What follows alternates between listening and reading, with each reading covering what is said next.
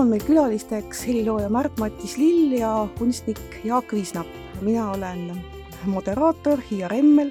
ajakirja Muusika peatoimetaja ja muusikaajakirjanik. meie teemaks oli ähm, äh, kunst murrangulistel aegadel, no see on väga laialdane ja suur teema, et ma katsun seda natuke noh, niimoodi spetsifitseerida et esimene küsimus mul oleks selline, et, et kas te olete tundnud, et, et need kaks järjestikku tulnud väga keerulist ajastut, see kaks aastat koroonaaega, piirangute aega ja nüüd otsa see sõjaseisukord Ukrainas, kas need niisugused noh, täiesti muidugi äärmuslikud äh, ajastud on kuidagi teil nagu loomingut või loomist nagu mõjutanud või muutnud? noh, ma arvan, mina nagu tunnen seda sedapidi, et see väga palju sõltub nagu kuidagi sinu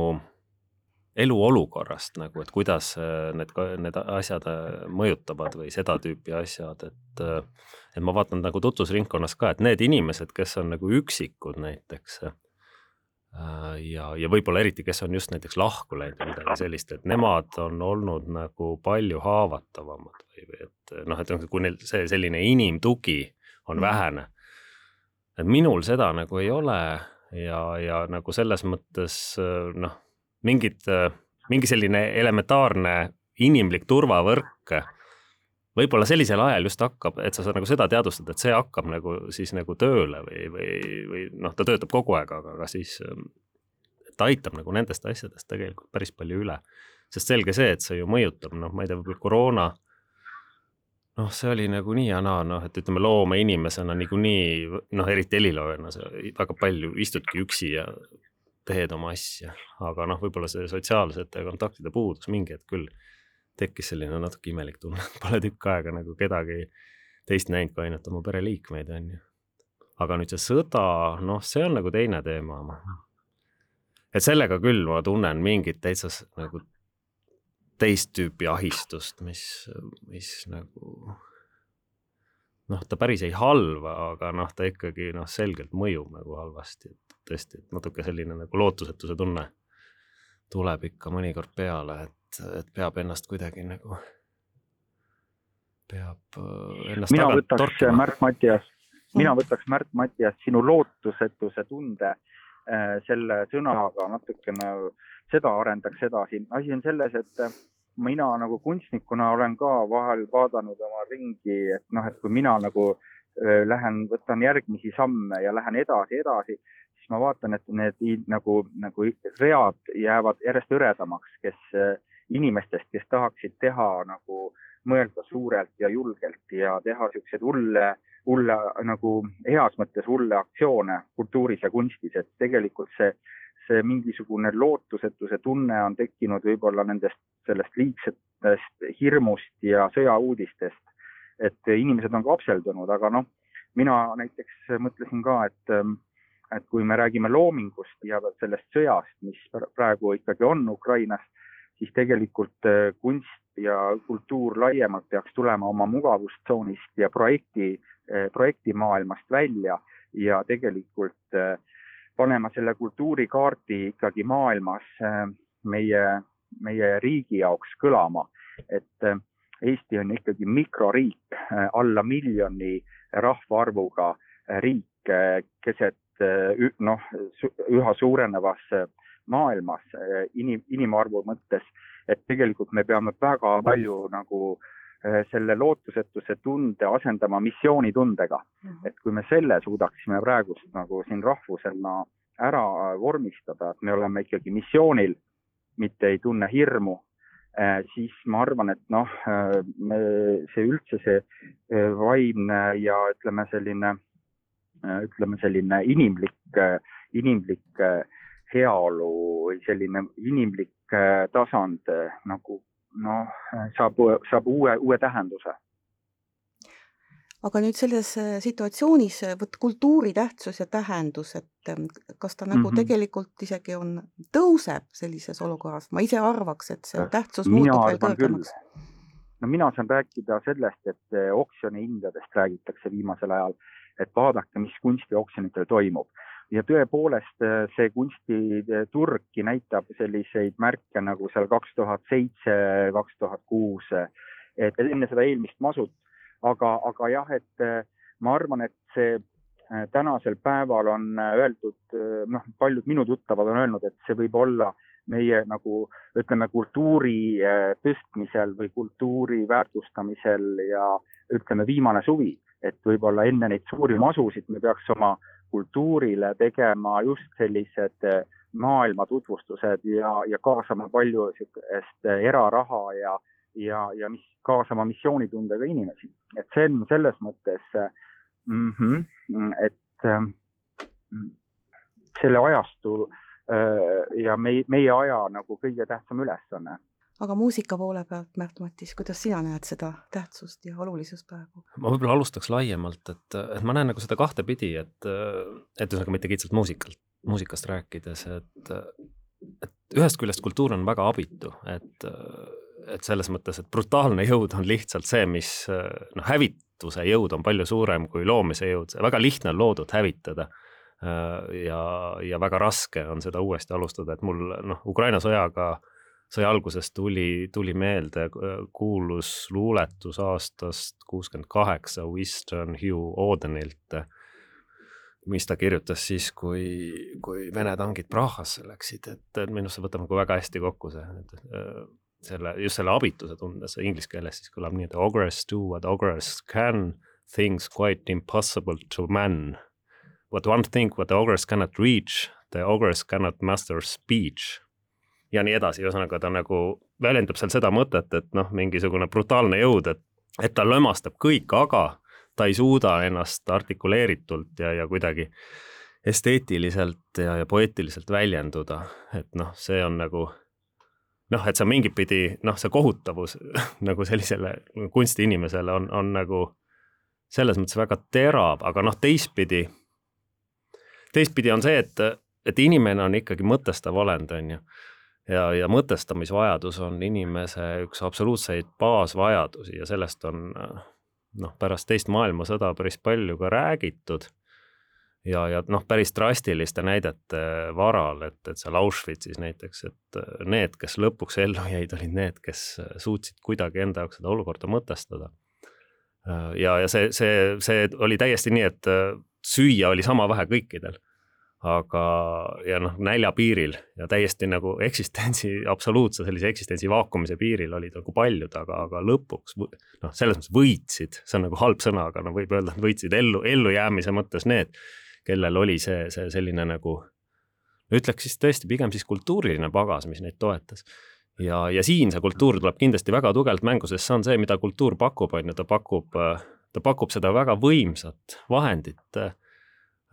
mõtestamaks ka muuhulgas neid õudusi, mis meid siis näiteks praegusel hetkel nagu ümbritsevad. Ja noh, võib-olla väga selline selge näide, noh natuke võib-olla kergemakaalulise alatooniga on seesama Eurovisioon, mis siin äsja on ju oli, et, et pole küll suur selle žanri austaja, aga, aga ma arvan see, et see Ukraina laul võitis, et see tegelikult andis ikkagi väga palju tol hetkel muuhulgas nendele Azovi võitlejatele on ju seal, seal Mariupolis, et, et noh, juba see teadmine, et nad ei ole üksi ja keegi, keegi nagu väljendab neid ja väljendab sellisel viisil, mis, mis kõnetab nagu väga paljusid, et et ma arvan, siin see mhm. kultuurijõud tuleb nagu selgelt ikkagi välja. ja ma tahtsin veel lisada selle kultuurijõu kohta, et mida, mis jõud meil Eestis tegelikult on, on see, et noh, ma, mul on hea meel, et kaks tuhat kaheksateist aastal, kui me esitlesime Vabadus kahekümne esimesel sajandil kunstikogu Äh, mõtlesid nii mõnedki, et mis, miks, milleks rääkida vabadusest, et see on ju iseenesestmõistetav, siis tegelikult äh, nüüd viiendal juulil me avame Pariisi Eesti saatkonnas siis selle vabaduse näituse ja me korraldame ka sellise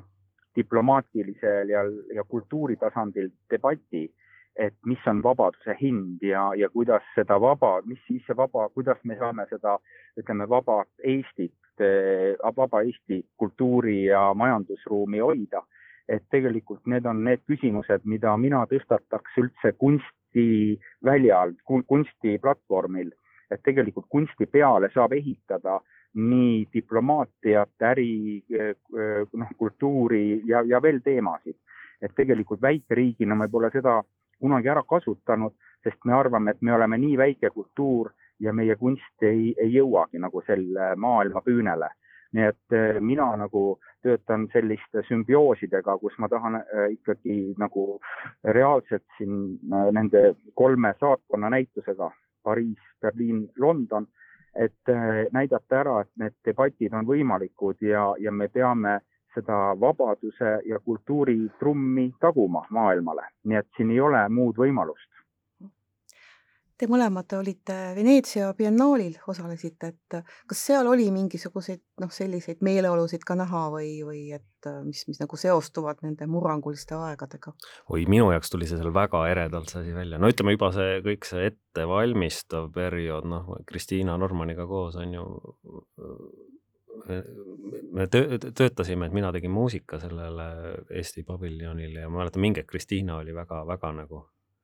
noh no,, nagu mingis mõttes nagu omadega läbi, noh, kui see kõik oli nagu alanud, et noh, et jällegi see, et milleks nagu üldse kõike seda teha, et siis me nagu põhimõtteliselt nagu arutlesime selle üle ja, ja siis ikkagi leidsime, et, et noh, see on ikkagi see, mida, millel on oma tähtsus, et kuigi see esmapilgul võib-olla ei, ei tundu nagu selle kohutavuse kõrval nagu, nagu nii nii nagu selgelt oluline, aga, aga jah, et see pikemas perspektiivis see, see, sellel on kaal, aga noh, seal kohapeal noh, no ütleme kaasaja kunstis on mingid asjad, mis mulle nagu mõnikord tunduvad nagu mõnevõrra koomilised, see selline rõhutatud sotsiaalsus on ju mingisugune poliitilisus, mingid väga sellised nagu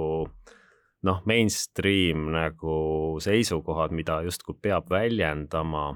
Ja vot see sõda pani nagu paljud sellised asjad nagu väga huvitavasse perspektiivi, et, et et mingisugused jah, võimusuhted, mida seal väga palju erineval viisil lahati, noh, sa saad aru, et noh, et kui kusagil inimesi tapetakse, siis see, et näiteks kas turvamehed võib-olla käituvad äh, mõnede problemaatiliste tüüpidega natukene brutaalsemalt, et kas see on nagu päris nagu võrreldav tasand, et see Soome paviljon, paviljon just tegeles selle teemaga. ühesõnaga, et et heaoluühiskondade probleemid noh, on, on ikka nii selgelt nii teistsugused, et, et kui, kui, kui see olukord. Ja seal oli just, oli siis Giardini alale. Oli, oli tehtud selline ajutine äh,, ajutine äh, installatsioon, kus oli siis äh, reprodutseeritud paljude Ukraina kunstnike töid ja noh, need olid ikkagi väga-väga mõjuvad et äh, ma ei tea, kas Jaak, sa mm, -hmm. sa ka sattusid neid seal nägema, et, et see äh, no,, see oli ikka otse, sa olid põhimõtteliselt otse sellest sõjast, noh, et täpselt, et sa saad aru, et äh, noh, et noh, täpselt nii see, nii see elu on ja. seal. paraku mina olen Veneetsia penaalist osa saanud ainult neti vahendusel, et ma tegelikult ei olegi see aasta jõudnud Veneetsiasse, nii et selles mõttes äh, ma ei saa jagada neid emotsioone, aga, aga küll, et see ütleme noh, ma väga tunnustan äh, näiteks Tõrva äh, linnapead äh, Maido Ruusmanni, kes tegi, hakkas nende liivaskulptuuridega pihta. tegelikult liiv on ju kõige nagu selline kättesaadavam materjal ja, ja tõesti, sa võid selle sõnumi paisata kogu maailmale et me võime küll öelda, et mis see väike tõrva suudab, aga tegelikult on ikkagi andnud nagu päris palju äh, ütleme selle äh, Ukraina teemalise kunsti äh, nagu loo, loomisega nagu heas mõttes sellele rahutööstusele kaasa nii et noh, mm, ja ma tahaks jälle, mina ei saa rääkida Veneetsiast, aga ma saan rääkida ühest kunsti ja, ja kultuurifondist, mille, mille, mille käivitamise juures mina olen. Et tegelikult äh, ma ei näe üldse tegelikult tänases Eestis võimekust üldse nagu kultuuri tõsta. et kultuurkapitali toetustega või näiteks selle minimaalse era, erarahaga meil, meil ei olegi võimalik Eesti kultuuri tõsta maailmakaardile. ja, ja selles mõttes ma näengi võimalusi, et üldse Eestit nähtavaks teha ja, ja üldse see kunst, et, et kunst saaks maailma muuta ja mõjutada, me peame jah, teistmoodi eh, ütleme, rahastusskeeme välja mõtlema ja, ja otsima sellist noh, teatud mõttes isegi naiiv, idealistlikku sellist soovi toimetada, et tegelikult noh, institutsioon, kunstiväljal tegelikult, mida nagu juhivad mitmed katuseorganisatsioonid, tegelikult vaba kunst ei saagi väga areneda, ta on mingites probleemides, oma projektides kinni ja, ja tegelikult selline, ütleme noh, suurt, suurt kunstimõju see ei oma, nii et need Tõrva linn oma liivaskulptuuridega veidi, veidike naiivselt isegi on ikkagi nagu väga suur äh, rahu ja, ja rahu pooldaja ja, ja Ukraina äh,, Ukraina pooldaja, et nad, et mina tunnen ka eestlasena, et, et Ukraina peab selle sõja võitma sest muidu me, me oleme nagu Donbass ühel päeval, see kõik see, mis me oleme siin Eestis ehitanud, loonud, eh, see lihtsalt eh, pommitatakse sodiks. et noh, see kujutlus on minu nagu äh, silmis ja ütleme kujut-, jah, mõtetes, et, et seda, sellist nagu maastikku ma ei tahaks siin Eestis näha, et see sunnib mind tegutsema ja, ja, ja ma arvan, et, et äh, igasugused äh, noh Äh, Veneetsia kunst on äh, selles mõttes äh, jah, ta on selline, see on niisugune suurriikide mängumaa, et Eesti on olnud selles Veneetsia biennaalidel ka pigem selline nagu noh, külaline, kellele antakse vaheaeg, keda kutsutakse ka nagu õhtusöögile. aga, aga jah, et noh, Eestil, Eestil oleks vaja Veneetsia paviljon luua kiiresti, leida need ressursid Äh, siin lähiaastatel, et see oleks võib-olla selline suurem äh, nagu, nagu ja, ja üldse nagu rahvusriigi seisukohalt oluline äh, sooritus. No väga head ja võimsad ja õiged visioonid muidugi. et kuidas te näete nagu selle sõja noh, nii-öelda perspektiivi, et noh, et kuidas teile tundub, et kuidas see olukord seal võiks areneda, et noh, see on muidugi niisugune spekuleerimine, aga no siiski oleks huvitav teada, et kuidas teie nägemus on sellele olukorrale? noh, siin sellist sõjandusolu analüüsi võib-olla kultuuriinimesena natukene, natuke nagu amatöörlik hakata tegema, aga, aga noh, mulle tundub, et selge on praegu see, et venelased seda sõda võita ei saa, et nad võib-olla noh, kõige hullemal juhul nad võivad saavutada midagi, mida nad ise võiduks nimetavad. aga noh, kui võib-olla siin rohkem nagu oma kapsamaast rääkida, et kultuurilises plaanis ja, ja sellises tähenduslikus plaanis nad on selgelt juba ammu tegelikult kaotanud. et,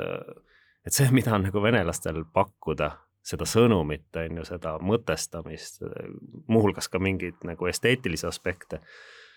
noh, mingisugused see laulud näiteks, noh, et see kõik on täiesti allapoole igasugust arvustust, sellel ei ole mitte mingit kandepinda, kõlapinda, see, see ei kõneta. ja see, mida ukrainlased mhm. on suutnud nagu pakkuda, noh, see on, see on nagu võrreldamatu, et see, see näitab, et nagu selle, sellises nagu nojah, tähenduslikus plaanis, et,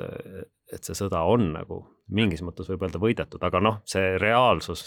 mis, mis seal ikkagi seal lahinguväljal on paraku see, see, see ju mõjutab nagu niivõrd palju, nii et mhm. eks, eks me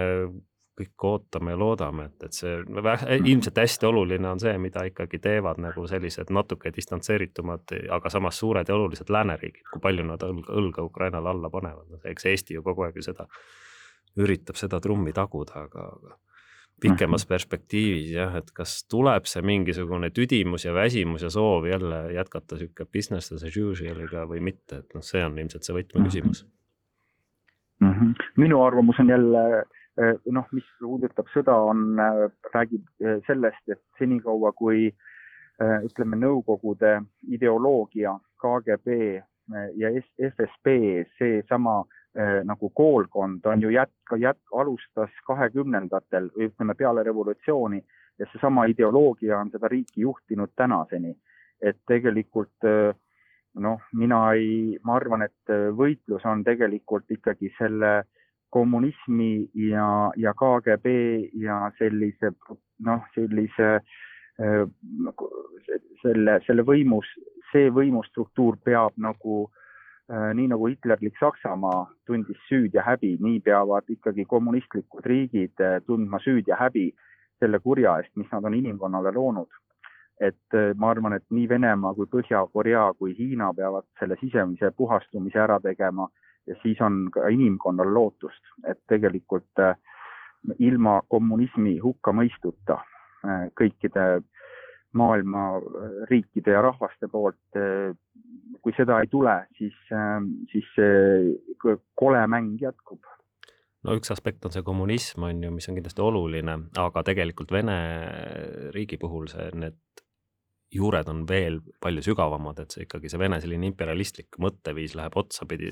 välja ikkagi väga kaugesse aega, et Mihhail Lotman pidas äh, hiljuti väga hea ettekande, kus ta visandas äh, ülevaatlikult siis selle Ukraina keele ja kultuuri allasurumise ajaloo ja põhimõtteliselt see algab Katariinaga juba kaheksateistkümnendal sajandil, nii et see on selline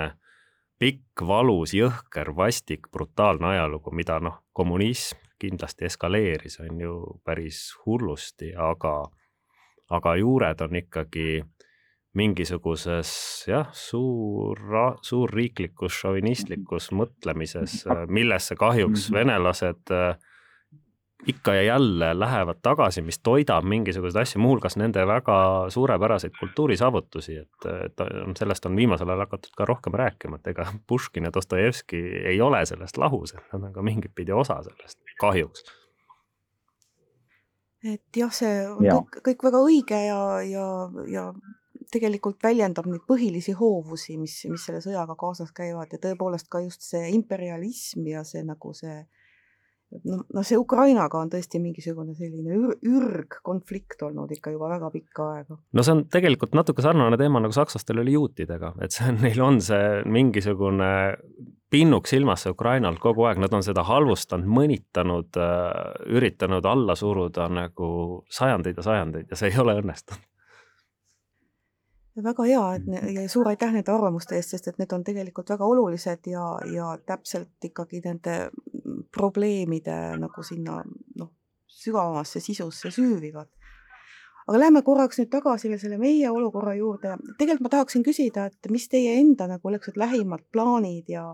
projektid on, mis, mis nagu te tahaksite teostada, et võib-olla Matis räägib alguses puhtalt mingid äh, loomingulised äh, projektid või, või teosed või millega või, ma tegelen? oh, eks selliseid on, on nagu lühemaajalisi, äh, keskmise mõõtkavaga asju, siis on nagu aastatepikkuseid mingeid plaane, et et võib-olla üks suuremaid asju, millega ma tegelen, on aastal kaks tuhat kakskümmend neli, mis tuleb Tartus selle kultuuripealinna raames selline noh, muusikateatri laadne teos äh, erinevaid siis kunste ühendav tervik, et mida me siis koos Markus Kasterpaluga ja, ja Priit Tenderi ja mitmete selliste teiste toredate heade inimestega koos teeme. aga mis mul veel siin, mingeid ansamblilugusi kirjutan, filmimuusikat, ühesõnaga tegemist on, on päris hästi ja, ja, ja, ja selliseid nagu mõnusaid asju, aga, aga jah, ma arvan, et see, see Tartu asi on võib-olla praegu see sellise kõige suurema ja pikema ja mahukama kaarega asi mm. -hmm. aga Jaagul, kuidas on lähiprojektidega? Nii, noh, minu selle suve ja ütleme aasta projektid on siis muidugi eh, need Vabadus kahekümne esimesel sajandil. Eh, kunsti äh, Äh, näitused äh, meie saatkondades ja, ja maailmas veel laiemalt võib-olla erinevates muuseumides ja galeriides, et rääkida sellest äh, väikesest rahvakillust siin Läänemere ääres ja sellest, et me oleme veel vabad ja, ja me, mis on ja seda, et see väike rahvakild suudab luua maailmale suurepärast muusikaid, suuri IT-firmasid, suurepärast kunsti Äh, ja suudab veel toetada esim-, number üks Ukraina toetaja Ukraina selles sõjas. Et kuidas see üheksasaja tuhandene populatsioon üldse suudab toimida ja, ja maailma veel puhastada ja, ja ma ei tea, mis aktsioone veel välja mõelda. nii et noh, mind huvitab see, et me saame olla jätkuvalt vabad ja Vabaduse näituseid näidata, siis mind huvitab Kihnu saarel, et me saame naiivkunsti laagritest kasvatada välja naiivkunstifestivalid tulevikus, et see UNESCO saar säraks maailmas, siis mind veel paeluvad sellised mõtted on nagu teha veel kunstikollektsioone, et tegelikult uus, uus map-, kunstikogu saab olema rahu kahekümne esimesel sajandil. Ja, ja ma olen mõelnud seda rahvusvahelise projektina, et ma tahan, et selle rahu äh, nimel töötaksid äh, maailma tuntud nimed. Ja, ja ma kutsun neid siis siia Eestisse, meie uude graafikakeskusesse, Paale, Paale Postimehe kvartalis siis. nii et me toimetame ja, ja üritame seda väikest Eestit teha suuremaks ja, ja otsida siis kultuuri juurde inimesi, kes ei ütle, et me oleme nii väikesed, et me ei suudagi ennast eh, nagu lendu tõusta või, või suureks saada. aga noh, meil on piisavalt palju tõestusmaterjali sellest, et me oleme tipus eh, nii mitmelgi aladel, et ma loodan, ma töötan selle nimel, et ka kunst, Eesti kunst oleks maailma,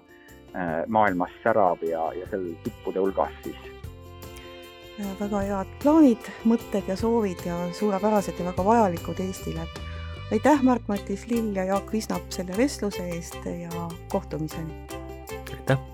aitäh, kõike head!